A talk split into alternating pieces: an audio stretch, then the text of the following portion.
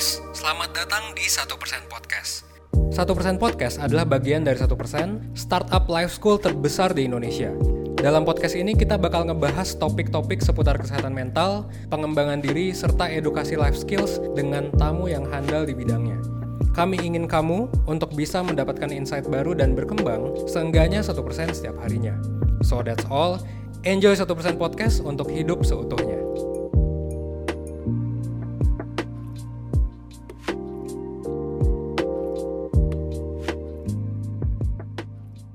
Perseners, gimana nih kabar kalian? Semoga sehat selalu ya, nggak cuma sehat fisiknya aja, tapi mentalnya juga dijaga ya kesehatannya. Karena ya dalam situasi seperti ini, di akhir tahun 2020, kasus COVID-19 tuh malah kok makin banyak gitu kan. Belum ada tanda-tanda penurunan kayak gitu. Ya semoga aja dengan hadirnya vaksin COVID-19 di Indonesia kemarin itu bisa menjadi titik terang ya terutama untuk di tahun 2021 semoga ya bisa selesai lah pandemi ini di seluruh dunia gitu. Karena gue sendiri tuh nggak mau kalau misalkan COVID-19 nih first anniversary di Indonesia gitu kan Oke, okay.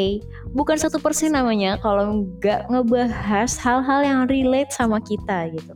Ada kalanya ketika kita ingin maju atau ingin meraih sesuatu gitu ya, meraih tujuan kita, kita malah terjebak dalam perilaku yang merugikan diri sendiri. Misalnya saat ada deadline ngerjain tugas, kita malah ya santai dulu deh, scrolling dulu deh, masih lama gitu kan deadline-nya. Atau malah Tadi dulu deh, dulu deh, nanggung nih dua episode lagi drama Korea yang gue tonton gitu. Padahal kan, kayak biasanya kalau selesai nonton drama Korea tuh ya lanjut ke list drama selanjutnya gitu kan. Nah, jadi sekarang gue akan membahas topik itu nih. Nah, tapi sekali ini gue Mutiara gak cuma sendiri nih. Sekarang gue udah ditemenin dengan Kak Ayuni dari Empati. Halo Kak Ayuni. Halo, halo Kak Muti. Muti aja ya panggilnya ya? iya, panggil Muti aja Kak. Siap-siap. Oke, gimana nih kabar ya Kak Ayuni? Alhamdulillah baik, sehat. Semoga Muti juga ya. Alhamdulillah, Alhamdulillah. Mungkin boleh perkenalan dulu Kak, as personal dan juga empatinya. Oke. Ya, perkenalkan perseners, aku Ayun. Nama lengkapnya Kurota Ayuni Fitriana, tapi biasa dipanggil Ayun atau Ayuni. Uh, sebagai sehari-harinya sebagai psikolog di Biro Psikologi Empati di Surabaya.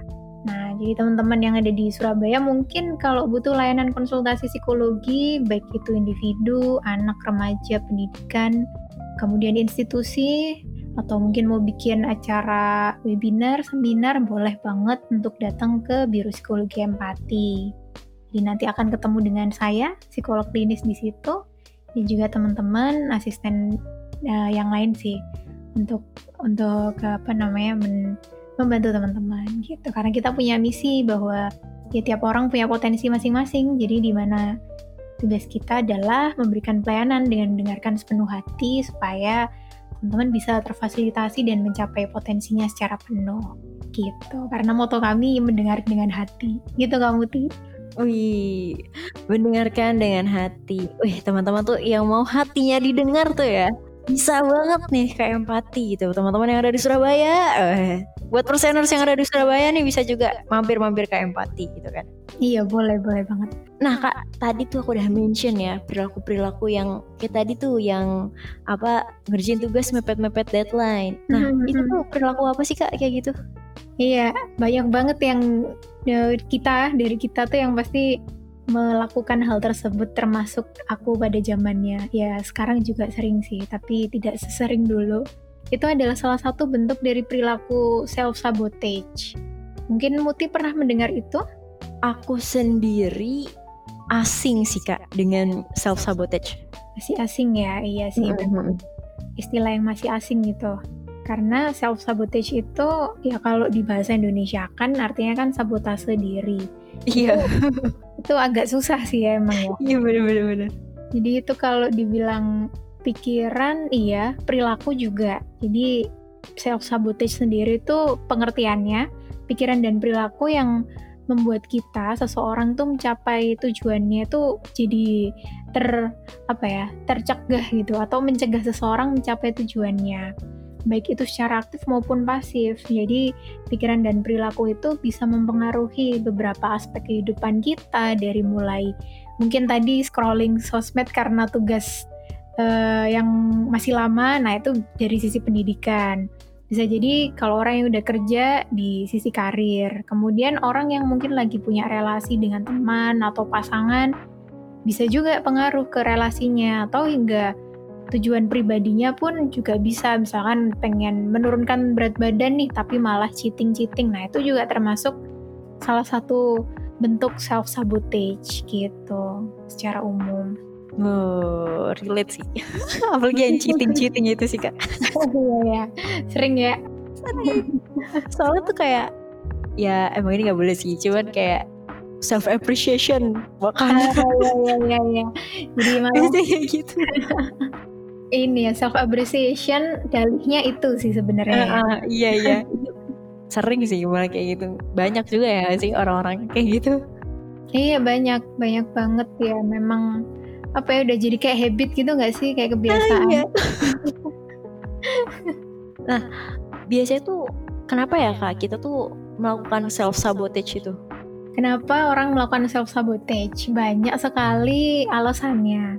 Tapi kalau menurut uh, penelitian jadi ada beberapa sumber yang menjelaskan bahwa orang melakukan self sabotage itu karena salah satunya dia sebenarnya menghindari yang namanya emosi negatif dari dirinya. Jadi kenapa orang salah satu bentuk self sabotage itu nanti uh, akan kita bahas juga apa sih kayak orang tuh menunda-nunda pekerjaan tuh bukan berarti orang tersebut nggak bisa ngerjain tugasnya enggak tapi karena sebenarnya orang itu menghindari emosi negatif yang dia rasakan ketika dia menghadapi tugas tersebut jadi itu kita kan kalau mau deket deadline tuh kan perasaannya nggak enak ya ya cemas mm -hmm ya khawatir, ya takut, segala macam lah. Nah, kalau kita dipak bukan dipaksa ya, kita mulai mengerjakan tuh kan udah banyak pikiran ya, aduh ini pasti susah, ini pasti nggak bisa nih aku. Nah, itu sebagai bentuk emosi negatif. Ketika kita menghadapinya, kita malah kayak, ya nggak deh nanti aja dulu. Nah, itulah yang membuat kita akhirnya pengen melakukan sesuatu yang rasanya tuh menyenangkan dulu. Ya itu tadi scrolling sosmed kah? Atau mungkin nonton drama dulu? Atau mungkin main sama temen? Gitu-gitu. Kayak melakukan hal yang tadi tadi nunggu mood gue bagus dulu hmm, baru hmm. gue ngerjain tugasnya nih. Kayak gitu gak sih kak? Hmm, ya, iya benar benar benar bener-bener nunggu moodnya dulu tapi nggak tahu sampai kapan nanti iya, kalau udah mepet baru panik sendirian hmm, bener-bener gitu. pernah pernah kayak gitu. Terus apa namanya ya beberapa teman juga pernah sih mengalami hal yang kayak gitu gitu kayak aku lagi buru-buru gitu terus kayak minta tolong untuk uh, minta tolong dong gitu untuk cuman ngerjain ini aja sih gitu. Ya emang itu uh, kayak tugas tambahan gitu. Cuman kan kayak aku pribadi kayak ya udah nggak apa-apa kalau misalkan emang ada salah-salah dikit ya nggak apa-apa gitu nanti gue yang revisi. Cuman kan minta tolong banget nih kayak gitu. Tapi dia bilang langsung kayak denial gitu loh kak. Kayak nolak karena dia dia nggak bisa. Dan itu juga kayak bukan ranahnya atau bidangnya dia gitu loh kak. Hmm. emosi kita hmm. juga nggak bisa ya kayak misalkan aku pribadi tuh orang yang nggak apa deh nggak apa gue kerjain gitu kan karena gue sendiri emang pengen mau belajar gitu kan. Tapi ya kita oh. sendiri kan gak bisa ya memaksakan kehendak orang lain untuk sama gitu loh kak. Sama kayak kita hmm, gitu kan. lu papa lu belajar bener, aja bener. dulu gitu loh. Cuman ya kayak gitu sih. Nah kalau bentuk-bentuknya tadi udah ada ya udah dimention sedikit lah ya. Selain itu apa kak? Bentuk-bentuk self sabotage tuh bentuk self sabotage banyak. Ada beberapa yang tadi itu ya menun suka nunda-nunda tugas. Bisa juga berupa kita tuh kayak ada rasa apa ya kayak kita tuh merasa diri kita dikritik terus gitu. Bahwa yang kritik tuh diri kita itu namanya inner kritik kayak kita tuh merasa bahwa apa yang aku lakukan tuh pasti negatif. Pasti aku nggak cukup mampu untuk melakukan itu. Itu juga termasuk self sabotage. Jadi kayak merendahkan diri kita kemudian bisa juga itu yang pengaruh yang akhirnya membuat kita tuh kadang bisa jadi takut buat apa ya show off bukan show off yang dalam artian negatif pamer ya. Artinya kita menunjukkan potensi kita. Jadi kita tuh malah jadi udah deh nanti aja lah. Takut nanti orang ngelihat aku tuh kayak uh, apa ya kayak aku tuh nggak bisa nanti aku bakal jelek gitu. Berlebihan gitu ya. Mm-mm, tapi yang berlebihan kemudian satu lagi mungkin ya teman-teman di sini pasti relate juga. Itu bentuk perfeksionis itu juga termasuk dari self sabotage karena kita merasa bahwa pekerjaan yang harus kita lakukan itu harus sempurna harus selesai dengan baik tanpa ada celah sedikit pun. Nah itu juga sebenarnya bentuk self sabotage karena ya nggak semua pekerjaan tuh harus sempurna gitu loh karena ya kalau sempurna ya kita kapan belajarnya gitu. Jadi itu bentuk-bentuk yang dari self sabotage gitu. Iya iya bener-bener sih kak. Kayak inner kritik tuh aku pernah pernah banget sih ngalamin ng ngalamin ini. Terutama iya, iya. waktu akhir 2019 gitu kan. Kayak emang waktu itu gimana? aku lagi hektik gitu hektik organisasi gitu kan. Sampai temen aku tuh kok tiba-tiba ngejauh gitu loh kak jadi dia mereka tuh gak ada komunikasi gitu sama aku. Terus aku nggak bisa dong kayak diginiin. Jadi kayak kita padahal satu peer satu grup gitu. Tapi kok aku ngerasa kayak nggak nyaman gitu kan. Ya udah tuh. Terus itu udah selesai kuliah kan. Jadi udah liburan. Tapi karena akunya apa namanya kayak akunya tuh belum tenang gitu loh. Kayak ada yang ganjel gitu. Aku tuh sampai nggak mau pulang ke rumah gara-gara masalah ini gitu Hah? Oh iya iya? aku bener sampai aku di kosan aja gitu kayak tadi dulu deh Wah. tadi dulu tadi dulu tadi dulu gitu aku bener-bener nunda-nunda untuk pulang ke Hmm. rumah jadi aku di kosan itu ya udah akhirnya aku bilang gitu kan kayak kenapa gitu aku nanya gitu kayak kenapa gitu kan tapi sebenarnya aku berterima kasih gitu sama mereka gitu kan. karena ya mereka juga bantu tugas aku waktu aku lagi hektik-hektiknya tuh kemarin pas lagi organisasi itu.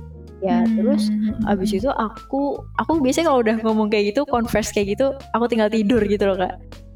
Iya iya biar baru- ya, lebih tenang. Iya kayak udah biar gak kepikiran macem-macem gitu loh. Terus Mm-mm. pas besok paginya aku buka tuh terus mereka pada nge PC aku gitu. Terus kayak malah kayak aku sih ngerasanya aku yang salah waktu itu. Kayak setelah Oh. mereka nge personal chat aku kayak gitu aku ngerasa aku yang salah gitu. Makanya wah gila sih itu. Teman-teman aku udah nggak ada maksud maksudnya nggak ada kayak di lingkungan aku tuh nggak ada teman-teman karena itu udah eh, liburan kan. Jadi udah pada pulang. Terus aku untuk cerita ke temen sebaya tuh kayaknya bakalan ngerasa nggak tepat nih kayaknya gitu loh. Hmm. kalau orang yang- belum paham tuh kayak nggak tepat gitu kan. Terus akhirnya wah itu aku kayak nangis seharian nangis terus aku minta tolong temen aku yang kakak kelas gitu. Dia lagi nggak ada di situ ya udah terus kayak oh ya udah nggak apa-apa kak. Tapi aku di situ nangis nangis terus gitu loh kak. Aku juga nggak tahu kenapa ya waktu itu kayak nunduk Hmm. dikit biasanya gitu nggak sih kak? Kalau kita nunduk tuh iya. suka malah semakin Heeh, ini ya. malah malah semakin kok sedih. terkontemplasinya hal-hal yang negatif gitu kayak emosi negatif tadi gitu. Kayak Iya, gitu terus akhirnya ya temen aku datang nggak nyamperin aku gara-gara dengar aku nangis itu. Kayak gitu sih. Padahal sebenarnya itu kan apa ya dari pikiran kita sendiri kan padahal padahal belum dibuktikan teman-teman pun merasakannya fine aja kan. iya eh, Tapi kadangkala pikiran negatif itulah yang membuat kita akhirnya kayak apa ya? terulang bukan terulang sih kayak berkutat sama pikiran kita sendiri gitu loh. mm, mm, mm. akhirnya jadinya ya makin sedih makin sedih sendiri nah hal-hal seperti itu sebenarnya eh, ya butuh makanya kenapa bagusnya kalau dari Muti tadi adalah mencoba untuk mengungkapkan karena kalau nggak mengungkapkan teman kita nggak akan ngerti maksud kita apa kan? Iya. Gitu. Dan kita juga jadi nggak apa jadi lebih tenang lah ya setelah mengungkapkan iya itu. sih bener-bener bener terus kayak aku juga eh, bilang sih oh nggak apa-apa kok kalau misalkan ada masalah. Karena aku sendiri tuh yakin gitu loh kalau misalkan ada eh, masalah nih dalam hubungan tuh malah sebenarnya itu ya bisa mempererat kita juga nggak sih? Iya benar konflik itu menjadi sebuah sarana untuk kita saling, paham. Mm, bener-bener Iya benar. Karena jadi tahu kan sudut pandangnya dia tuh ternyata kayak gini loh oh ternyata bedanya di sini nah itu kan jadi tahu kalau nggak ada konflik kita nggak Iya. akan tahu Iya bener banget sih kak. Heeh. Jadi kita juga kayak oh dia ternyata orangnya kayak gini nih ya. Ya sebenarnya kayak bisa apa ya was was bukan was was sih cuman kayak oh dia tuh orangnya kayak gini jadi lebih kenal sih ya lebih kenal gitu.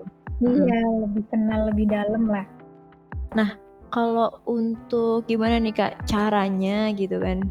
Atau prosesnya nih orang tuh self sabotage tuh kayak gimana gitu? Kayak misalkan kalau aku tadi kan kok ada yang janggal kayak gitu kan? Terus habis itu aku komunikasikan gitu kan. Nah ada nggak sih kak gitu? Kayak ada orang yang gak bisa ngomunikasiin gitu. Dia pendem aja gitu kak.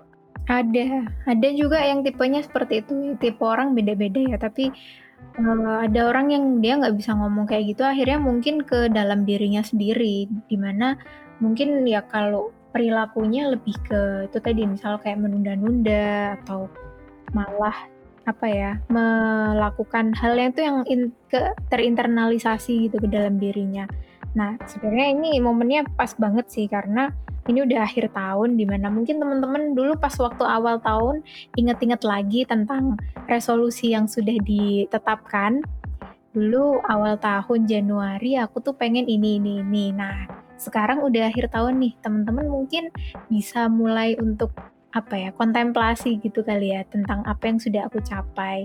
Nah karena self sabotage itu ya berkaitan dengan tujuan jangka panjang kita baik dalam aspek apa pun baik itu tadi kayak relasi dengan teman, kemudian dengan pencapaian apa yang kita capai di tahun ini kayak gitu-gitu itu kita coba untuk kontemplasi. Kira-kira apakah lebih banyak yes-nya, maksudnya lebih banyak ke tercapainya atau enggak gitu. Karena ya bisa kita nilai sebenarnya yang kita tahu yang bisa tahu ya kita diri kita sendiri.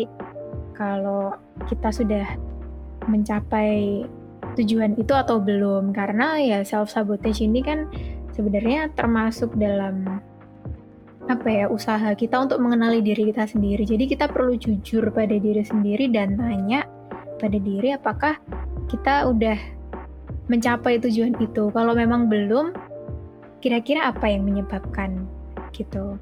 Jadi eh, lebih ke apa ya refleksi kontemplasi terhadap diri sendiri. Kira-kira apa ya yang membuatku tuh belum nyampai? Terus gimana ya caranya?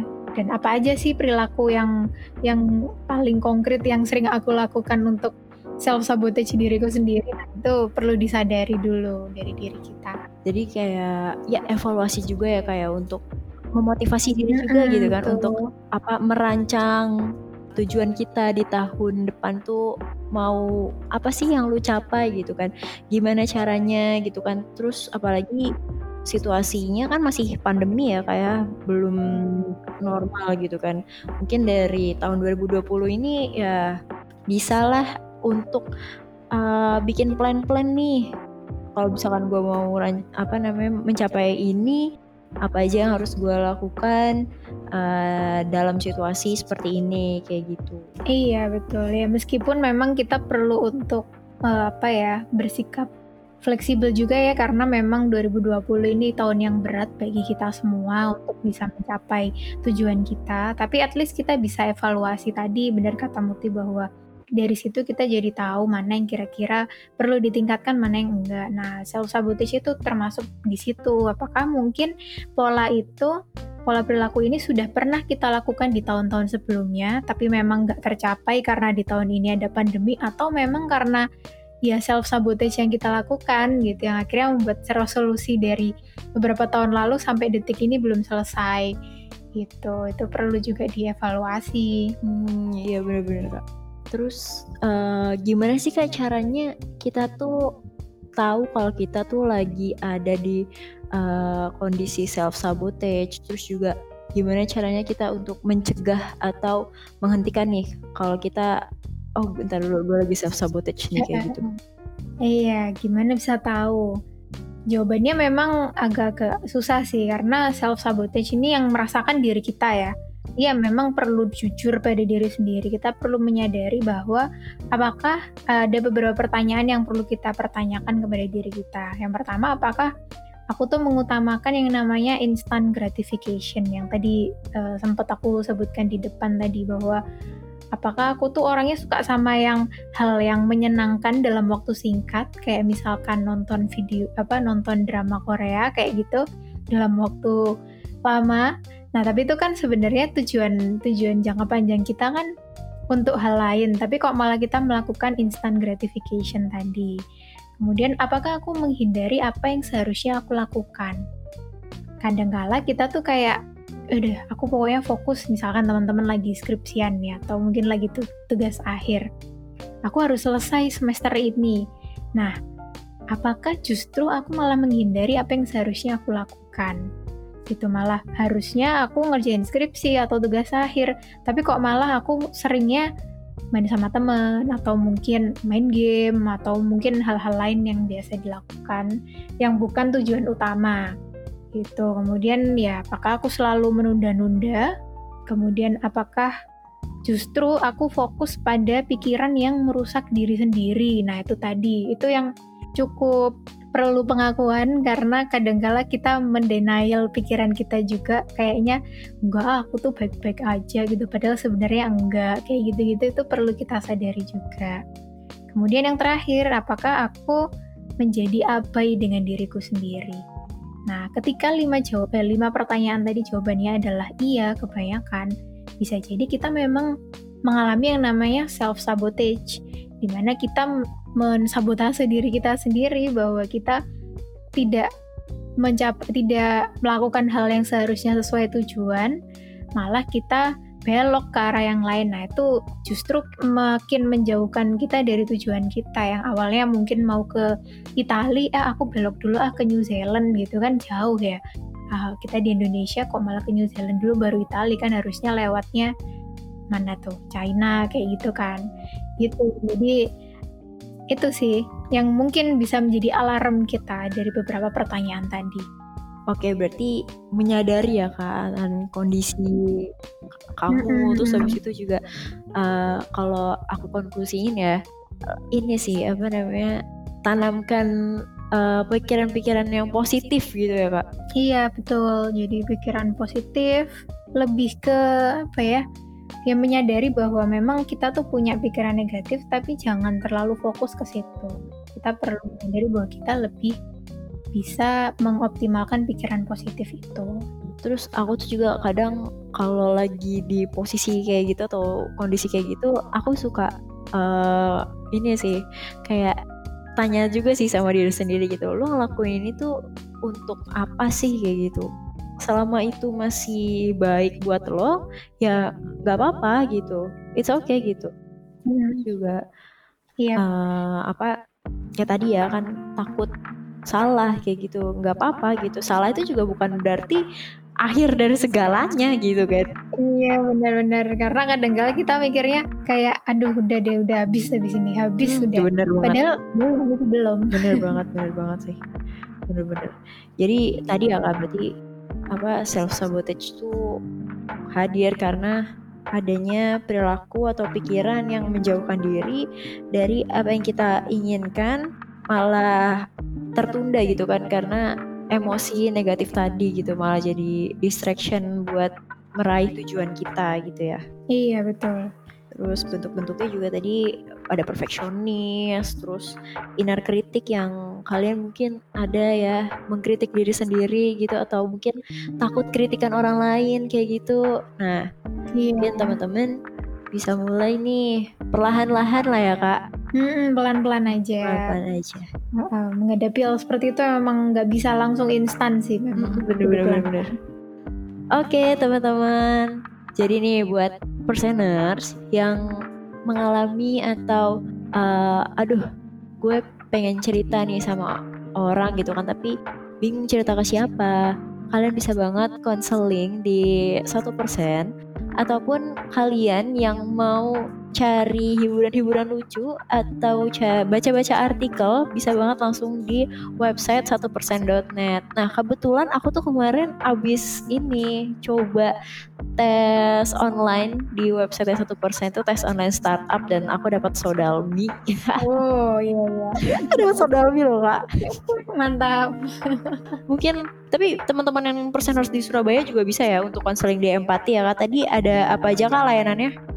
Bisa dari ya layanan individu atau pribadi jadi mulai konseling sampai psikoterapi kemudian untuk anak biasanya memang untuk anak-anak yang mau masuk SD gitu kemudian tes bakat minat terus untuk institusi juga jadi biasanya kita dilibatkan dalam rekrutmen maupun promosi di beberapa perusahaan oke okay. oke okay mungkin sampai sini ya kak pembahasan kita tentang self sabotage ini. Makasih banget loh kak Yuni untuk kesempatannya. Iya sama-sama. Jadi ini uh, menambah juga nih uh, pengalaman untuk bahas tentang self sabotage. Iya. Sebenarnya tuh luas sih kak apa Buki. Tapi memang kita bisa mengerucutkan pada hal-hal yang kita alamin aja dulu yang dikit-dikit mungkin kita perlu fokuskan dari diri kita nah itu mungkin kita perlu evaluasi gitu sih. Aku juga dapat pengetahuan baru sih kalau ternyata oh gue sendiri pernah ya ngalamin soal sabotage ini gitu. Kayaknya semua orang pernah kok. Iya jadi tenang aja. Not uh, apa ya hal yang abnormal kok. Iya, ini bener. hal yang normal iya, dan iya. asalkan nggak sampai berlebihan dan tidak mengarah ke hal yang destruktif maksudnya yang merugikan, merugikan diri ya, sendiri maupun orang lain Oke, okay, thank you Kak Yuni. Iya, sama-sama. Terima kasih juga untuk Muti. Oke, okay, sampai jumpa perseners di podcast selanjutnya. Bye-bye.